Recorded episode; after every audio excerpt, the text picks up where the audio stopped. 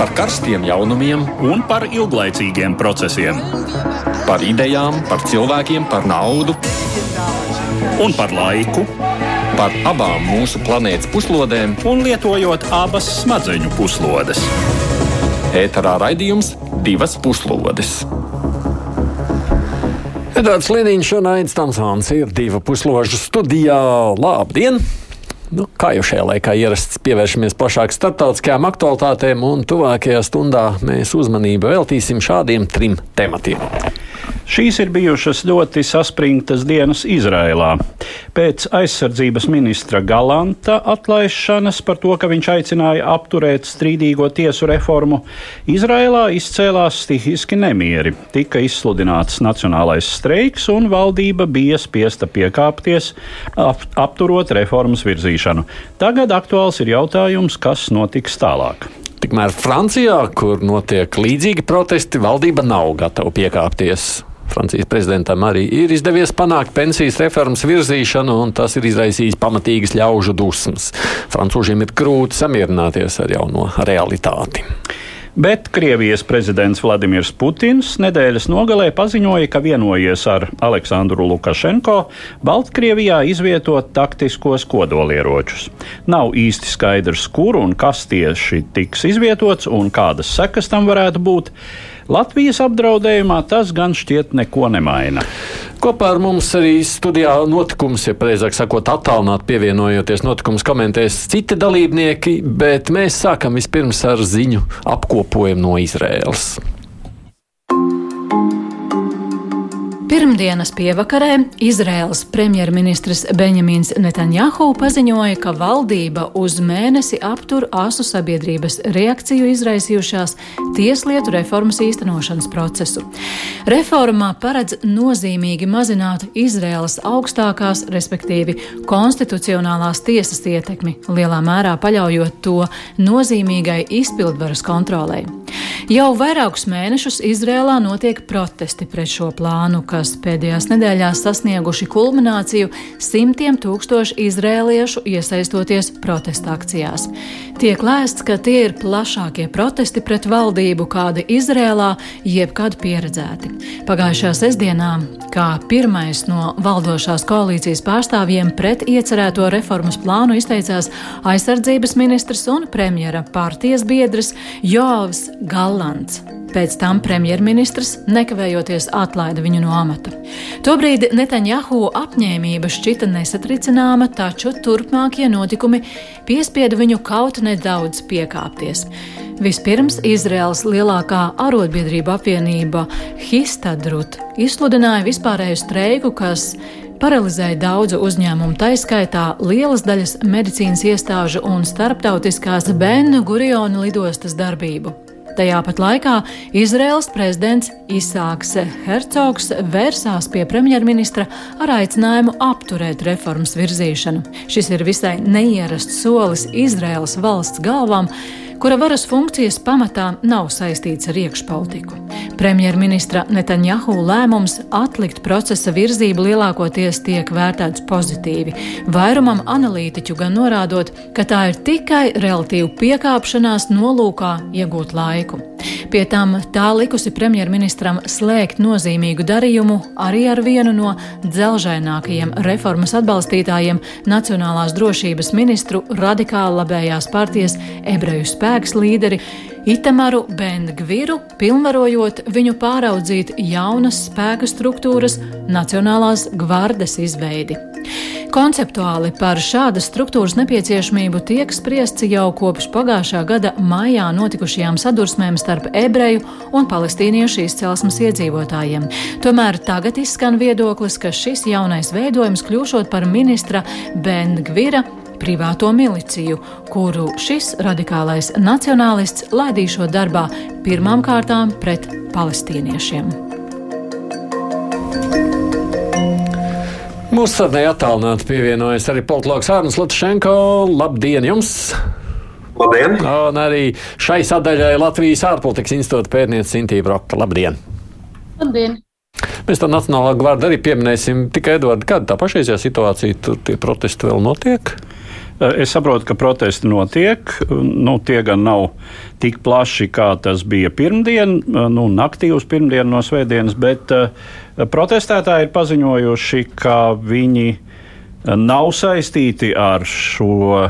Nav tieši saistīti ar šīm opozīcijas partijām, kas uh -huh. tagad piedalās sarunu procesā, un viņu mērķis ir panākt, lai šis, šīs likuma izmaiņas tiek atceltas pilnībā. Uh, un tad viņi tā sacīt rimsies. Mm -hmm. nu, uh, vai tas tā būs, cik ilgi tie protesti notiks, kas to zina?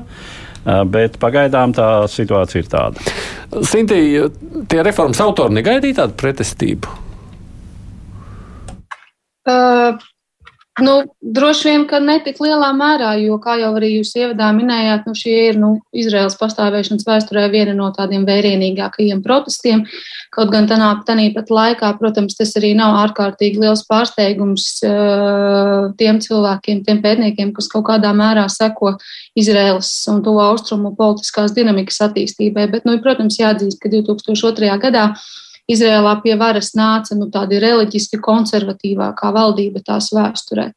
Un, un, un, protams, līdz ņemot arī savas galvenākās prioritātes attiecībā uz rietumkrasta okupāciju un arī, protams, tādu nu, vērienīgu varas konsolidāciju koalīcijas ietveros. Un, protams, pats Benjamins Netanjahu jau arī vēsturiski ir zināms kā pietiekami strīdīgs personāžs Izraels politikā, un, un tas arī kaut kādā mērā, protams, at, at, at, at, at, atspoguļojas šajā situācijā.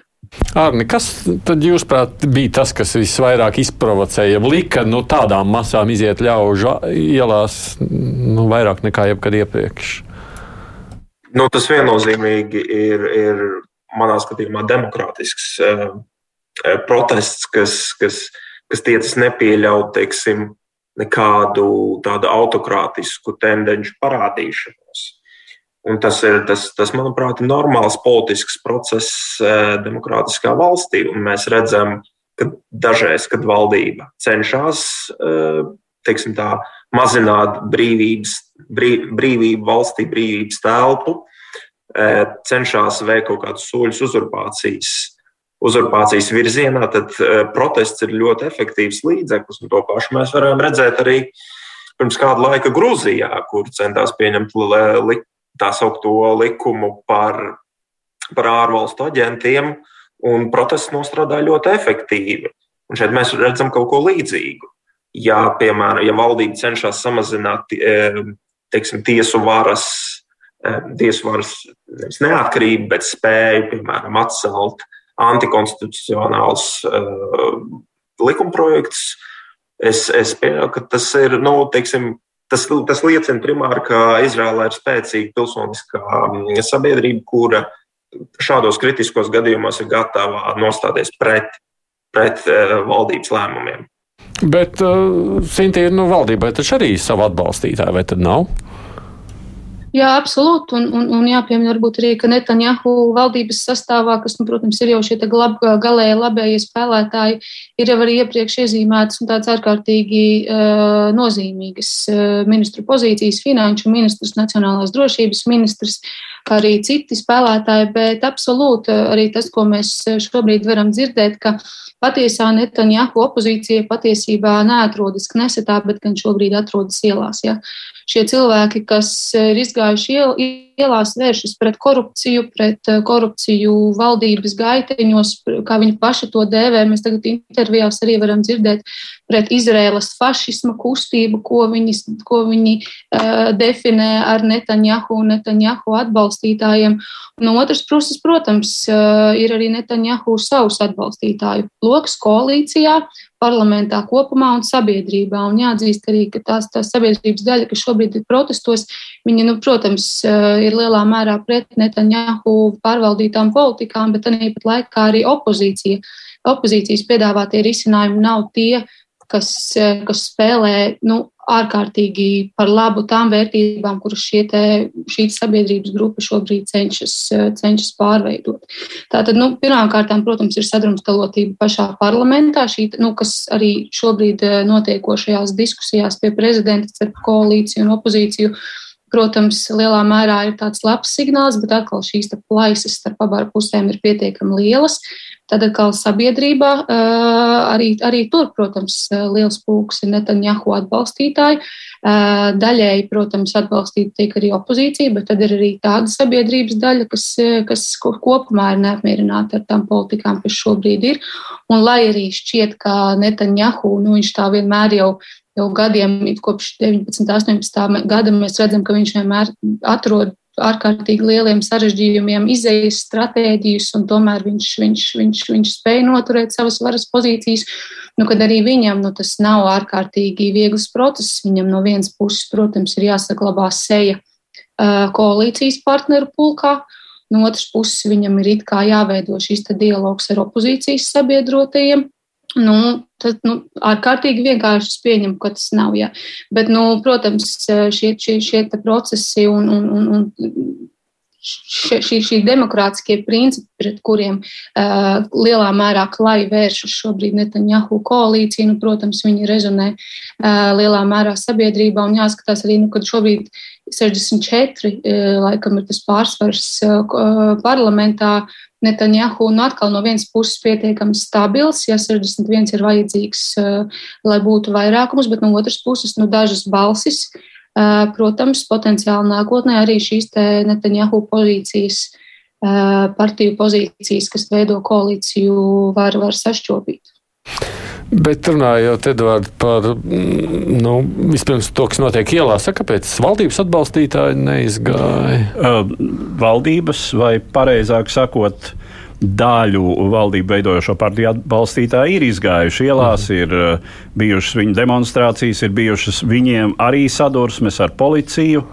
Eh, tā kā mm, ir ielās arī pretējās nometnes atbalstītāji. Bet bija pamats runāt par iespējamu jau pilsoņu karu Izrēlā, ko starp citu daudz starptautiskie mediji uzsvēra. Nu, es domāju, ka runāt par pilsoņu karu būtu pārsteidzīgi.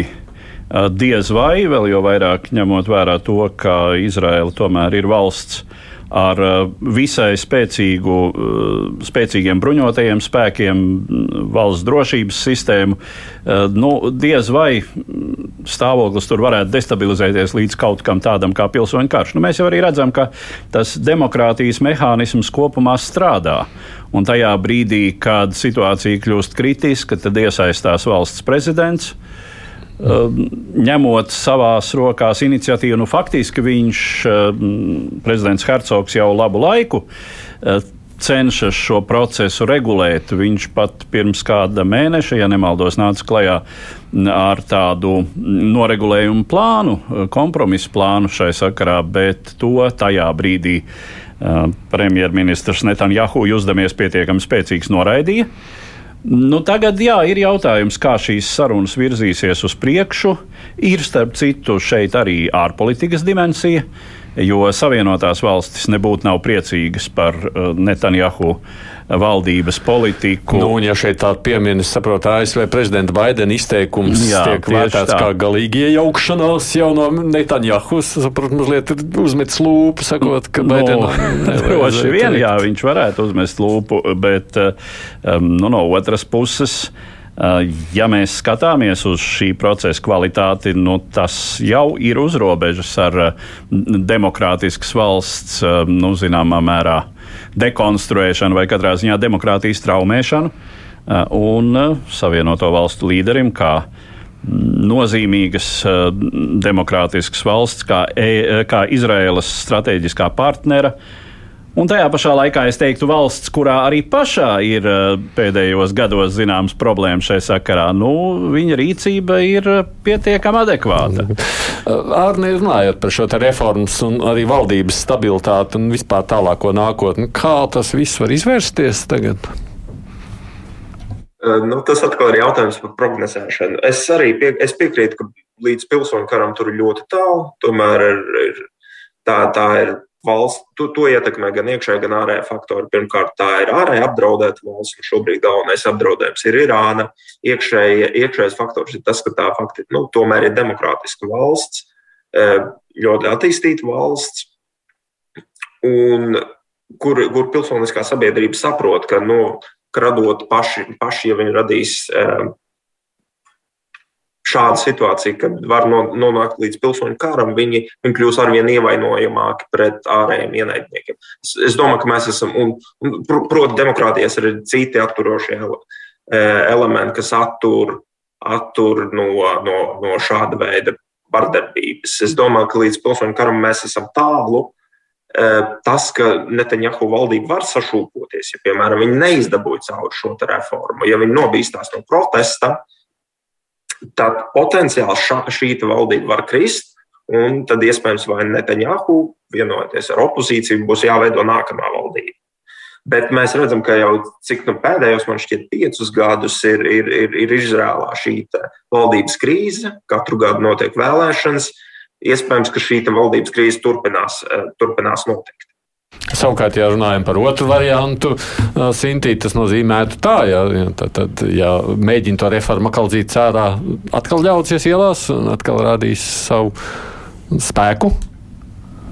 Nu, es šeit arī atsauktos uz to starptautisko kontekstu, kas, kas noteikti Izrēlai ir ārkārtīgi nozīmīgs. Viens jau pieminējām Amerikas Savienotās valsts, kur mēs tiešām ārkārtīgi reti varam dzirdēt kaut kādu veidu kritiku attiecībā pret uh, Izraels varas uh, realizētajām pol politikām, iekšēji, ārēji. Nu, nu, tie ir tiešām tādi samērā reti gadījumi, ka šī retorika no ASV puses ir tik skarba, cik viņa skarba tiešām ir šobrīd. Un es domāju, ka tā, nu, tāda konstanta turēšanās pie, pie šīs politikas virzības tieši, tieši sistēmas jautājumā, nu, savas pēdas tur, tur var atstāt, bet no otras puses mums ir jāpaturprātā arī reģionālais konteksts. Jūs pieminējāt, ka ir Irāna, bet Irāna nav vienīgais spēlētājs. Šīs pēdējās Netanjahu veidu valdības realizētās politikas ir jau nu, norāda uz tādiem pietiekami nopietniem aspektiem, kas iedragā arī to saucamo Abrahama vienošanos attiecības ar apvienotajiem Arābu Emirātiem. Un, un Bahreina, kas, kā mēs atminamies no 20. gada, iesākās šie attiecību uzlabojušie procesi, un ar Emirātiem tika parakstīta tirzniecības līguma un, un atsākās ciešāka sadarbība. Bet, nu, tomēr Arābu pasaulē šī vienošanās nebija viennozīmīga, un, kā mēs zinām, Izrēlai vēsturiski jau ir bijis ienaidnieki gan Irāna, gan arī Arābu kaimiņu valstis. Līdz ar to Šobrīd arī Jordānijas pozīcijas, apvienotā Arābu Emirātu pozīcijas, protams, turpat arī Saudarābija ar savu attiecību uzlabošanas stratēģiju ar, ar Irānu. Ja? Nu, tas nevarētu spēlēt par labu Izrēlai arī tādā reģionālā kontekstā, domājot par, par savu ilgtermiņa stratēģijām un sadraudzību ar arābu pasauli, par kur, protams, arī lielu lomu spēlē Palestīnas jautājums, kamēr arābu sabiedrotie lielā mērā veido saiknes ar Izrēlu, mēs varam arī novērot tomēr jau tendences, kad Irāna skatās Palestīnas virzienā un ko atkal tas nozīmē šīs proksija mehānisma pielietošana no Irānas puses Palestīnā, ko tas atkal nozīmē.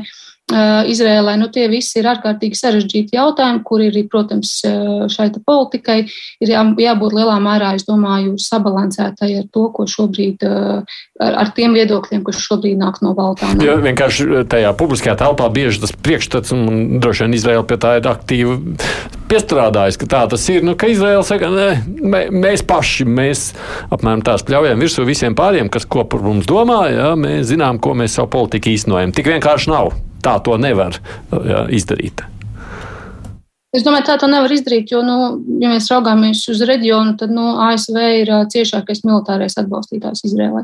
Protams, ir vēl daudz par agru spriest par kaut kādu militārā atbalsta samazinājumu tikai šo procesu dēļ. Noteikti nē, bet nu, šo demokrātisko principu tāda klaja neievērošana. Nu, tas noteikti, noteikti neatstās vienaldzīgus, ja ne Baltā nama saimniekus, tad Amerikas sabiedrību. Bet, nu, protams, ir jāpatur atkal prātā aspekts, ka nav jau, nav jau necik daudz mums atlicis līdz, atlicis līdz ASV prezidenta vēlēšanām. Un, un, protams, šī attiecība tuvināšanās gan ar ASV, gan ar arābu sabiedrotajiem notika tieši Trumpa laikā ko atkal uh, Trumpa līdzīgie politiķi no, no, nozīmē demokrātijai un kā tie raugās uz demokrātiju. Tie ir atkal, protams, citi jautājumi, bet uh, es, es um, nu, Lai gan, nu, protams, Netanjahu ir pietiekami spilgta persona un daudz ko no viņa var sagaidīt, bet nu, tā racionāli spriežot, man tomēr šķistu, ka nu, lai nu kurā, bet nu, kad Baidenā un, un, un Baltā nama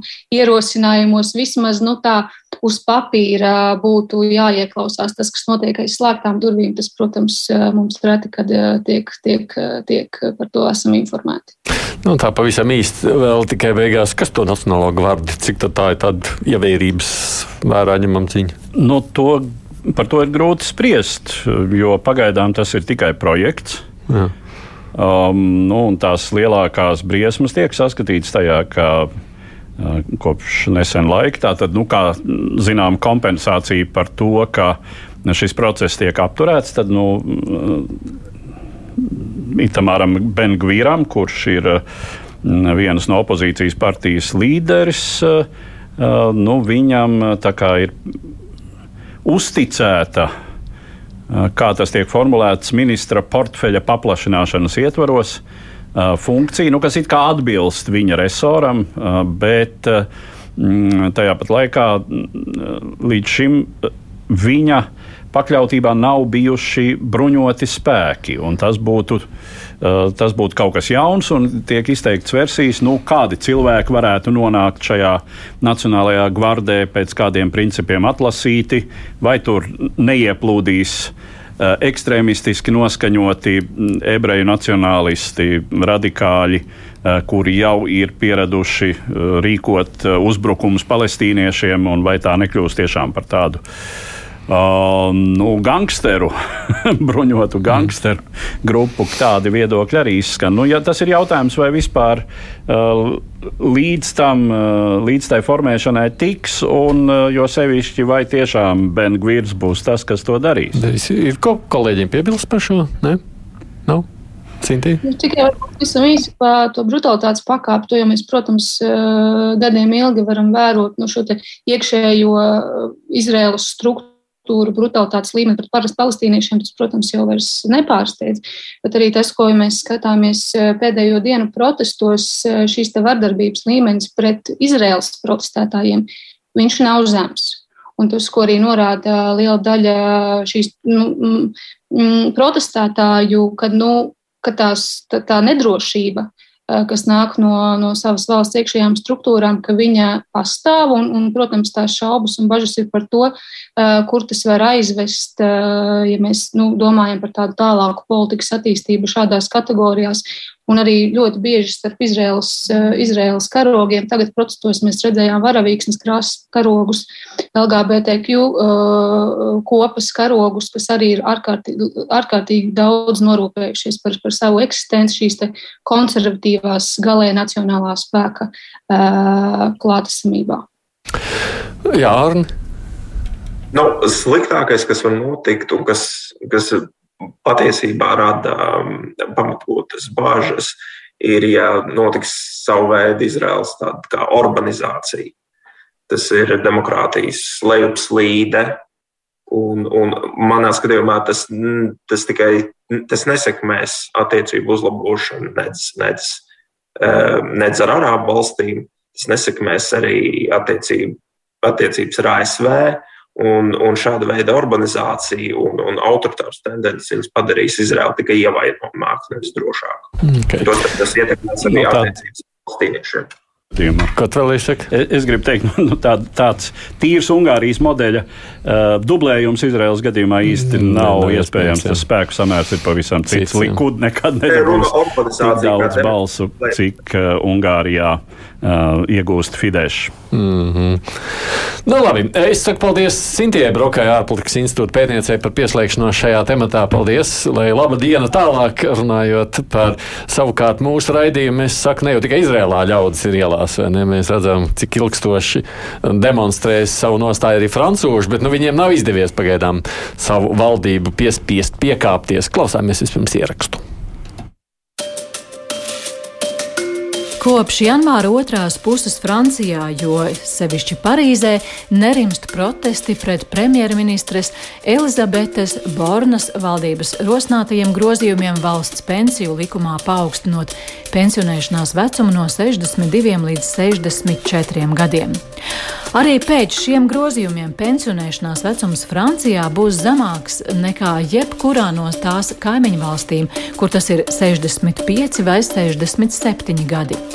Jaunu protestu uzbangojumu izraisīja valdības lēmums pieņemt likuma grozījumus Francijas konstitūcijas 49. panta trešās daļas paredzētajā kārtībā, proti bez parlamenta balsojuma.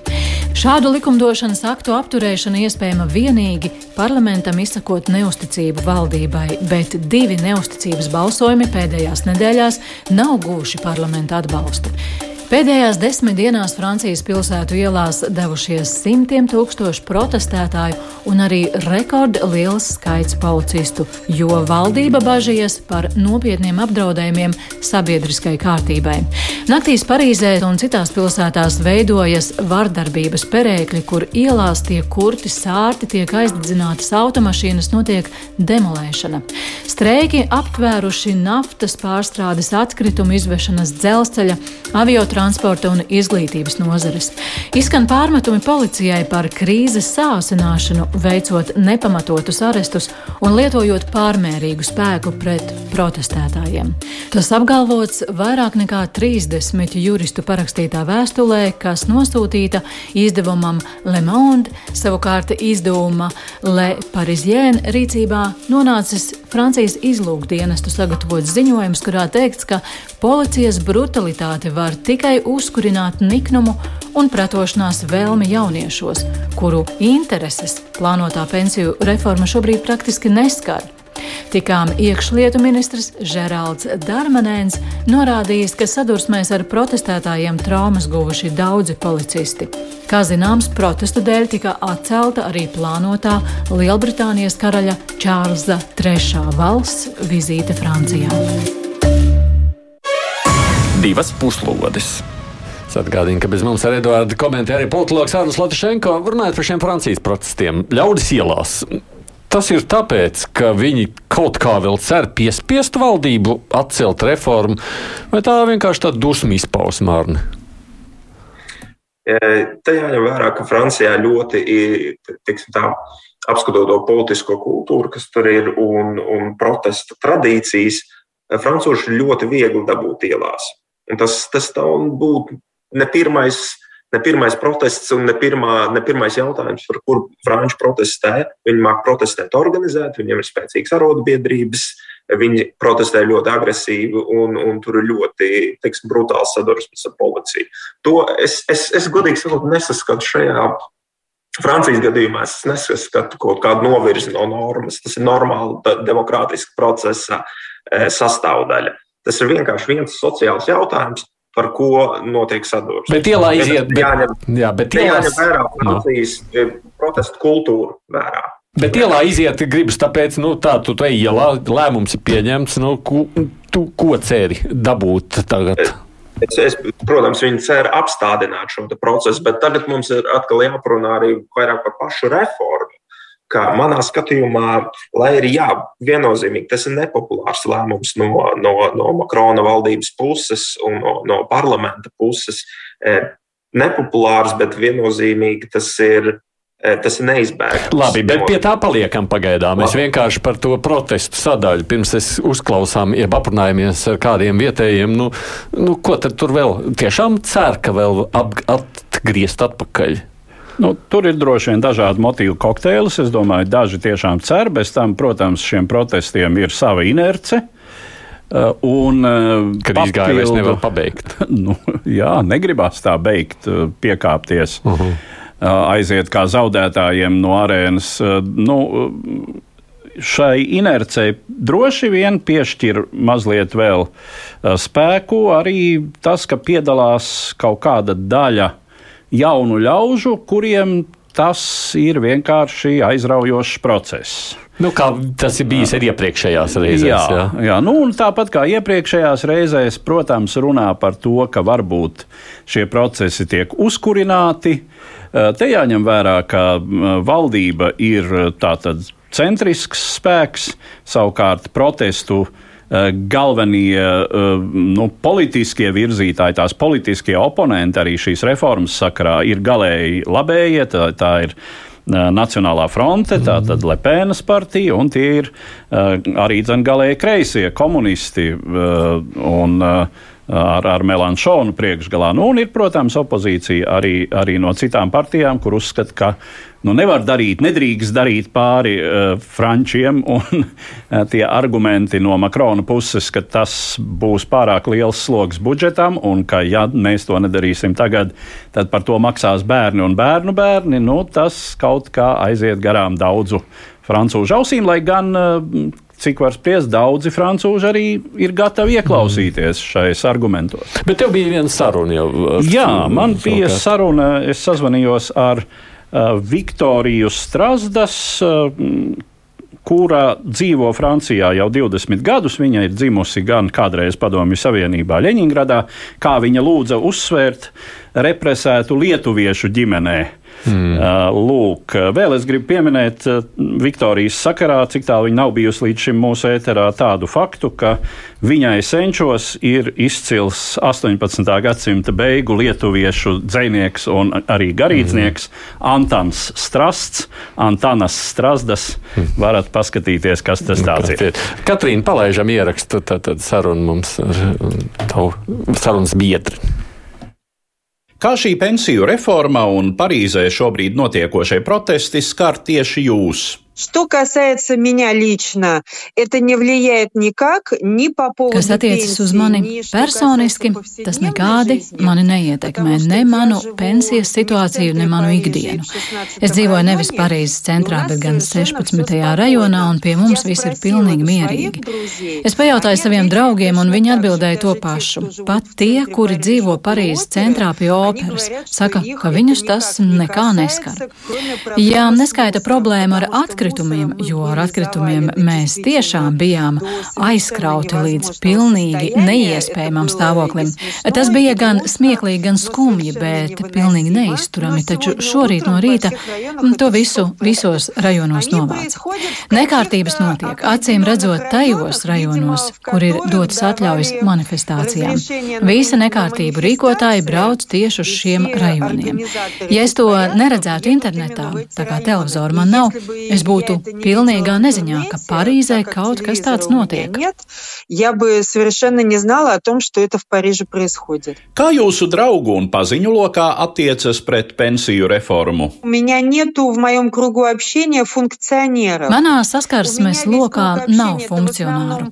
Mans saskarsmes lokus pamatā sastāv no uzņēmējiem vai cilvēkiem, kuriem ir pašiem savi ienākumi. Vēl ir neliela daļa emigrantu, kurus šī pensiju reforma reforma nekādu neskar, jo viņi tāpat šīs pensijas nav paspējuši nopelnīt.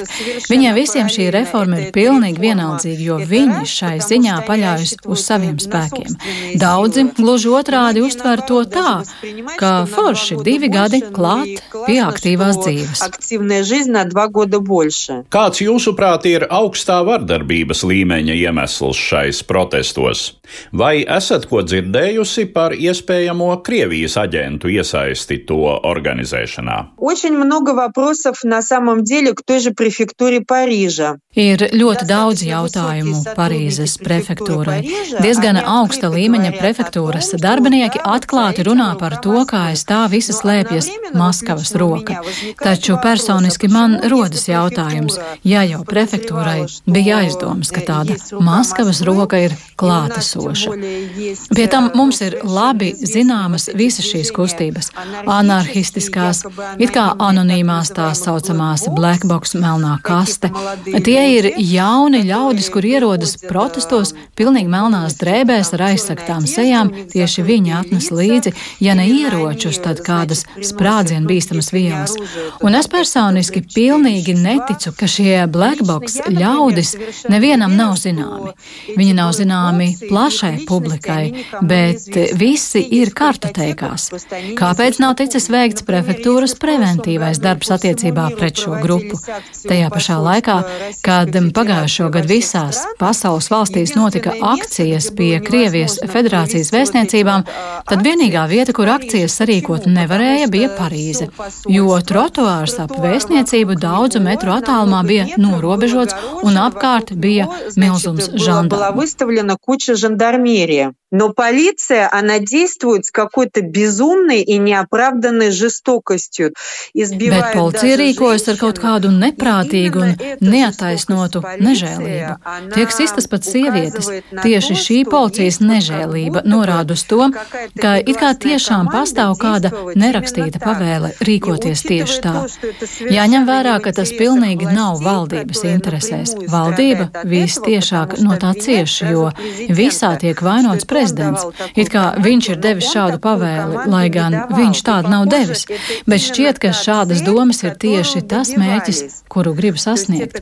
Bet patiesībā pavēle nāk no policijas iekšienes, no prefektūras. Bet policijā daudzi, par ko maz tiek runāts, atrodas Nacionālās frontes ietekmē. Un nevajadzētu aizmirst, ka Marinas Lepēnas māsas meita Mariona Marešāla Lepēna pagājušā gada 9. maijā apmeklēja uzvaras dienas svinības Maskavā.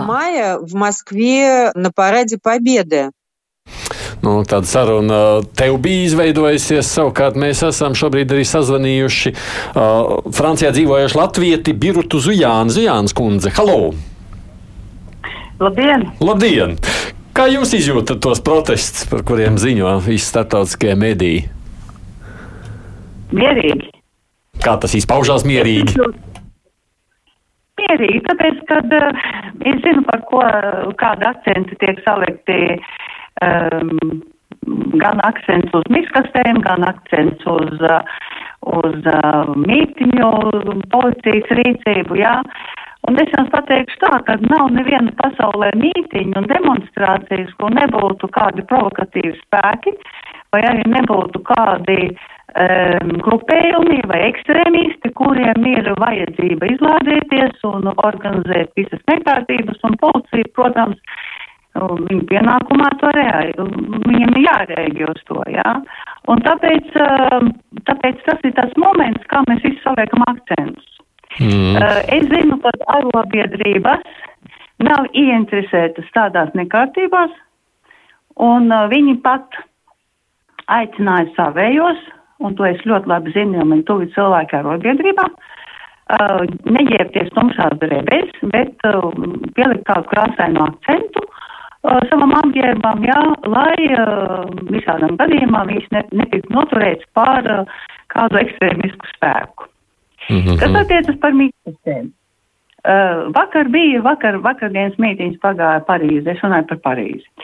Uh, Parīzē pagāja ļoti mierīgi, ar, nu, varbūt kādām neansēm, uh, kādiem nelieliem sagadījumiem, un redziet, kas ir mītīņas iet pa avēnijām lielajām. Tas, kas darās sākumā, ir grūti pateikt, kas tur beigās darās, jā. Tāpēc, teiksim, kādi vizuāli televīzijas, kādi ir nofilmēja mirkli, ko to otrā galā nemaz nezina, kas tur notiek, jā. Uh, jo tie laukumi un avēnijas ir plašas, un tie ir, uh, nu, vakar kopumā bija vispār pēc arotbiedrības datiem bija pa visu Franciju bija vairāk nekā divi miljoni. Tas tomēr ir pietiekami iespaidīgs skaitlis. Mm -hmm. un, um, un ko es gribēju teikt? Es gribēju teikt, ka tas tieši vienā sarunā ar, ar cilvēku, kas izvest miskastes, jā, viņi vakar teica, ka viņi atsāk no šodienas izvest miskastes uh, Parīzē, bet viņi ir savu panākuši. Viņi ir parādījuši, ko nozīmē viņu darbs. Tās, tās maka, tās žurkas, tas viss, protams, uh, ir ļoti nepatīkami, viegli, viegli izsakoties, bet viss tas būtu smieklīgi, tas nebija visā Parīzē. Es runāju par Parīzi. Mm -hmm. Parīzes uh, mikrorajoni sadalīti, kur ir privātais sektors, tad tur tika miskastes izvestas, un tā tāda sagadīšanās, ka tieši turīgākā turīgākajos rajonos, jā, vairāk arī centra rajonos tas miskas netika izvērsts. Hmm. Nu. Sakiet, bet, jā. ja runājam savukārt par to pašu reformu, nu nav jau taču nekāds re rezultāts panākts un nekas jau nav atcelts. Tur tiešām cera. Nu, ja... Mm -hmm. Ziniet, par reformu man liekas ir mazliet jāpaskaidro. Pēdējā ziņa ir tāda, ka nākošās nedēļas sākumā uh, pirmās, ehm, pirmdien, otrdien vai trešdien būs premjerministres tikšanās ar sindikā, sindikātu vadību. Tā sarunas jau par, par sarunām starp valdību un sindikātiem sākās jau šonadēļ, bet, nu, nebija panākta tāda kā vienošanās, bet vakar, vakar bija interesanta nianse, kas es domāju, ka politologiem to, to, to viņi tagad pētīs un arī sindikā arotbiedrības tam sekos, kad prezidenta partijas deputāti izteicās par sarunām. Ka tieši tas svarīgi, ka prezidenta partijas pārstāvi izteicās par sarunām. Mm -hmm. Un uh, pēdējā ziņa ir tā, ka, uh, jā, tagad būs uh, tā tikšanās ar premjer, premjerministru un būs tikšanās. Kas attiec vēl uz tādiem pa, pa, uh, soļiem, kas, kam ir jāseko līdzi. 14. aprīlī būs uh, konstitucionālās tiesas lēmums par reformas tiesiskumu. Uh, tas ir tāds obligāts pasākums uh, visiem, uh, visādām reformām. Jā, un, bet, nu, te vēl īsti viņi, nu, ir tāds, kā lai saka, tāds minējums, ka varbūt tiešām būs tā, ka tā reforma neatbilst. Tas būs mhm. ļoti viegls, viegli izēja no situācijas, bet tā var būt. Un trešais solis, kas ir svarīgs, kas notiks aprīlī, uh, kaut kur līdz aprīļa vidum arī būtu, būs, būs zināms, vai ir atļauts tautas referendums. Tas, ja tiks dota zaļā gaismā organizēt tautas referendumu, tad tas process sāksies un tas būs ļoti ilgstošs un tā sēma ļoti sarežģīta.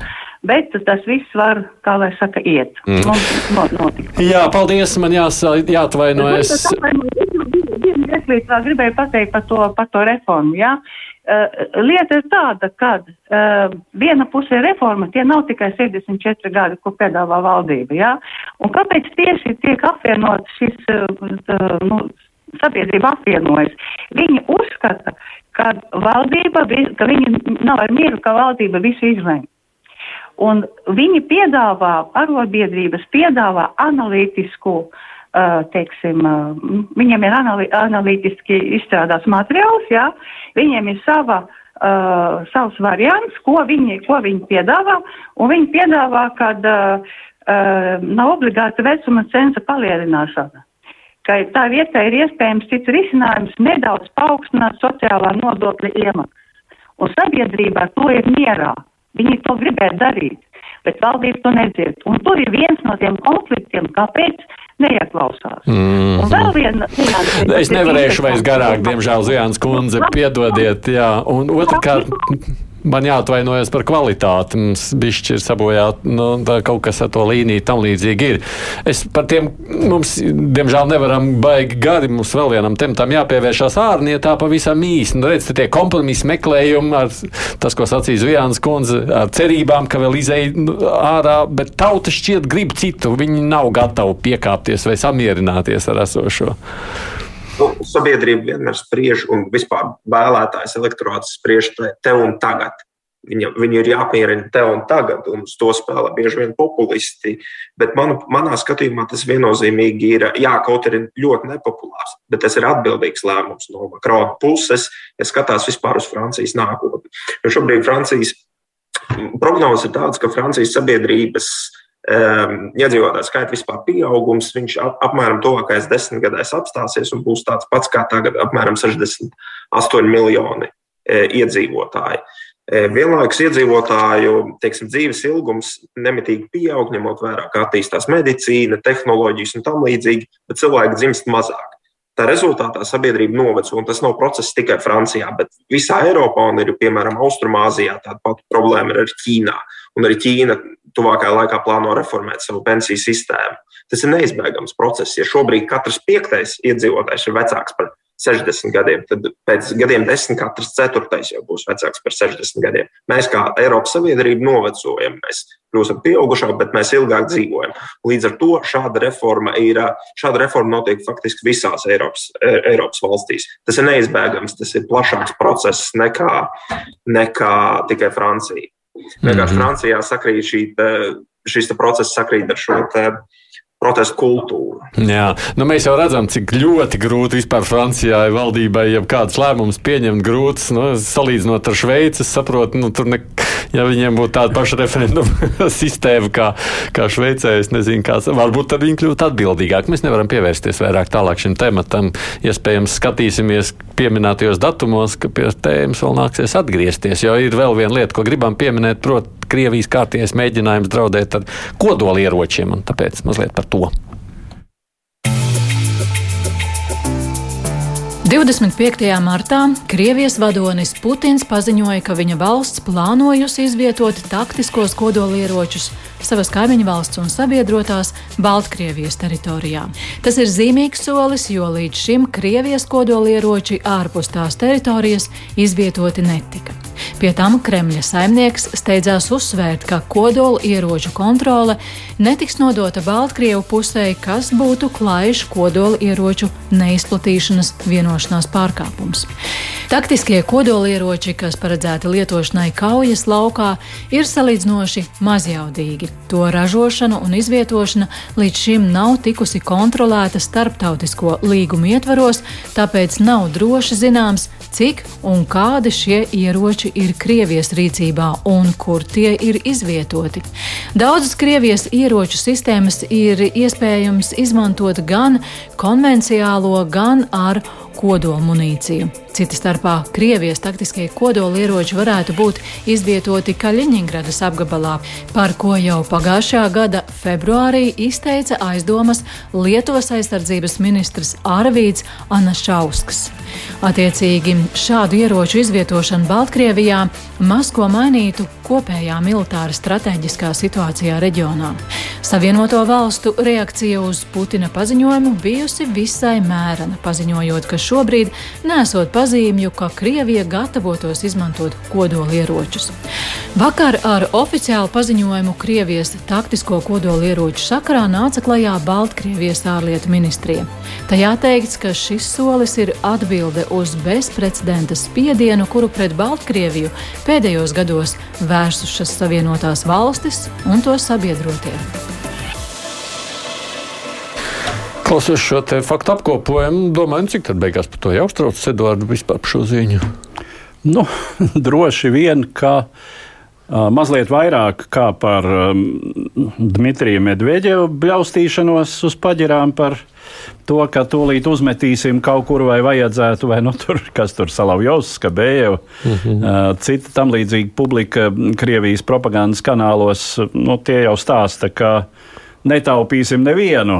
Ja, un, un jautājums tikai par kuru vietu pirmo - Londonu, Varšavu vai Rīgu. Uh, bet, uh, nu, protams, ka ja tādi kodolieroči tur tiek izvietoti, uh, jebkurš kodola arsenāls tas ir zināms risks ka notiek kaut kādas nejaušības, ka, vai arī ka, teiksim, kāds to izmanto kā, kā provokāciju. Tas, nu, tas viss ir tā.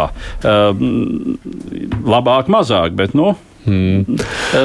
droši vien, ka šis ir jāvērtē kā kārtējais nelielais žests Krievijas vispārējā kodolieroču žvadzināšanā. Arni, kāpēc Nu, Putinam tas vajadzīgs. Kāpēc viņam gribējās un vajadzēja lūk, kaut ko aizvest no Krievijas uz Baltkrieviju?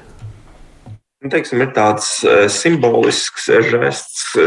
Es, es domāju, viens, viens no iemesliem, protams, tas, ka Viļņā būs NATO samits, šķiet, ka jūnijā, un, un, un teiksim, izvietot tieši blakus Lietuvai atomieroči, tas ir tā pavicināt, pavicināt ieroci mums gar seju. Tas ir faktiski tas jau vairs nav pret Ukrainu. Šis akts vērsts, bet jau pret mums, pret NATO. Bet patiesi iemesli, es domāju, slēpjas tieši, tieši Krievijas un Ķīnas rezultātus, sarunu rezultātā. Un, un visticamāk, politologu vidū šobrīd eksistē tādi di, di, di, divi viedokļi. Vai, vai, nu, vai nu tās ir bijušas nesekmīgas sarunas, kā rezultātā Putinam, Putinam nācās atgriezties atkal, atkal pie šīs kodola retorikas, kuru mēs nedzirdējām jau vairākus mēnešus. Proti, eh, šai, šai versijai es vairāk piekrītu, jo tā ir vieglāk un tā ir loģiskāk izskaidro viņa teiksim, modus operandi. Un, un, un otrs ir, ka, ka, ka šis akts ir saskaņots kaut kādā veidā ar Ķīnu.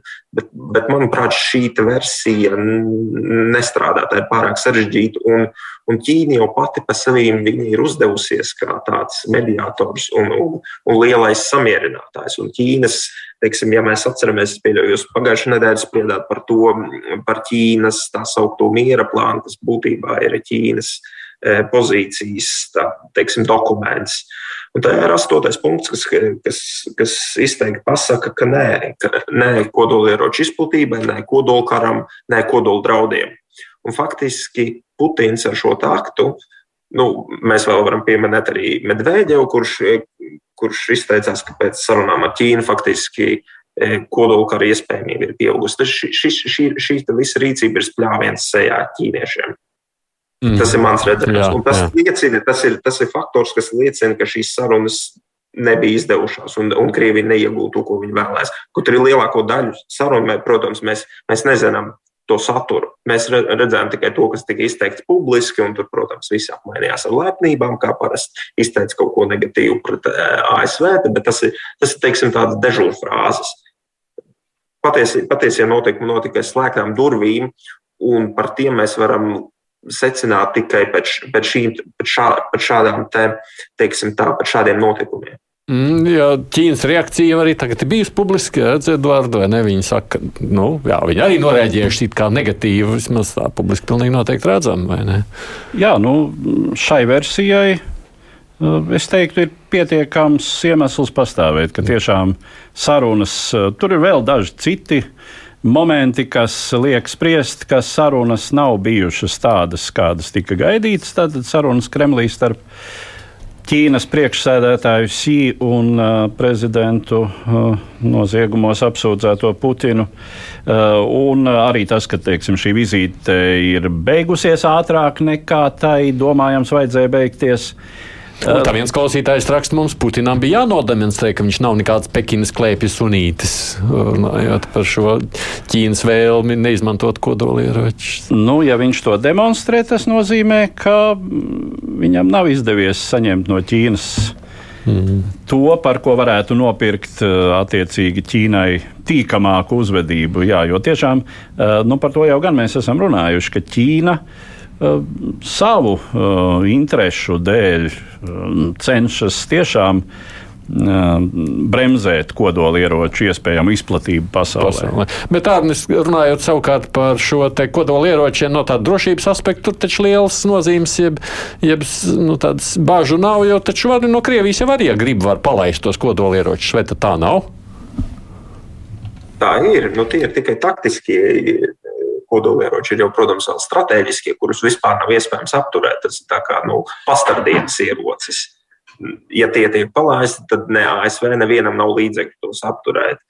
E, šī vienkārši ir e, provokācija pret NATO. Tas ir atkal Putins. E, Putinam iespējams bija kaut kāds izējas variants sarunās ar Ķīnu, uz ko, uz ko Kremlis cerēja. Bet acīm redzot, eh, šīs durvis, Ķīnas durvis ir aizvērušās vai pievērušās ciet. Putins atkal ir jūt, ka viņš tiek iedzīts stūrī. Pie tam arī viņš ir starptautiskajā meklēšanā tagad eh, pasludināts, un teiksim, viņa, viņa izējas koridors sašaurinās, kā rezultātā faktiski mm, viņš atkal izvelk šo šo, šo, šo te ieroci un, un, un šo na, pistoli nazi vai kā. kā Jā, bet izskatās, vai ne? Un sāk vicināt. Un izskatās, ka to vicināšanu šoreiz neviens tā baigi galvā nemaz neņem. Ne? Nu, pēc visa, ko Putins ir izdarījis, tur īpaši. Um, nu, tā kā tiešām, lai gan uh, droši vien kā NATO samita dalībniekiem Viļņā uh, varētu būt mazliet neomulīgi Vai katrā ziņā nu, tas ir tā, mm, tiešām tā demonstratīvi? Uh, mm -hmm. tur, tur novietot kaut ko, ar ko nu, salīdzinoši ļoti īsā laikā un uh, īpaši teiksim, mm -hmm. pretējai pusē to negaidot, var Teorētiski nu, jā, var. Vai ne? Uz ko tur arī es sapratu, viens mm, tā kā Baltkrievijas vēsturnieks ir norādījis, ka tās par to vajadzētu baidīties. Bet saku paldies jums! Arnus Latšenko, politologs pieslēdzās Edvards Liniņš un Aits Tomsons šeit studijā producēja Evi Junām. Tiekamies atkal pēc nedēļas, skatāmies, kā notikumi attīstās.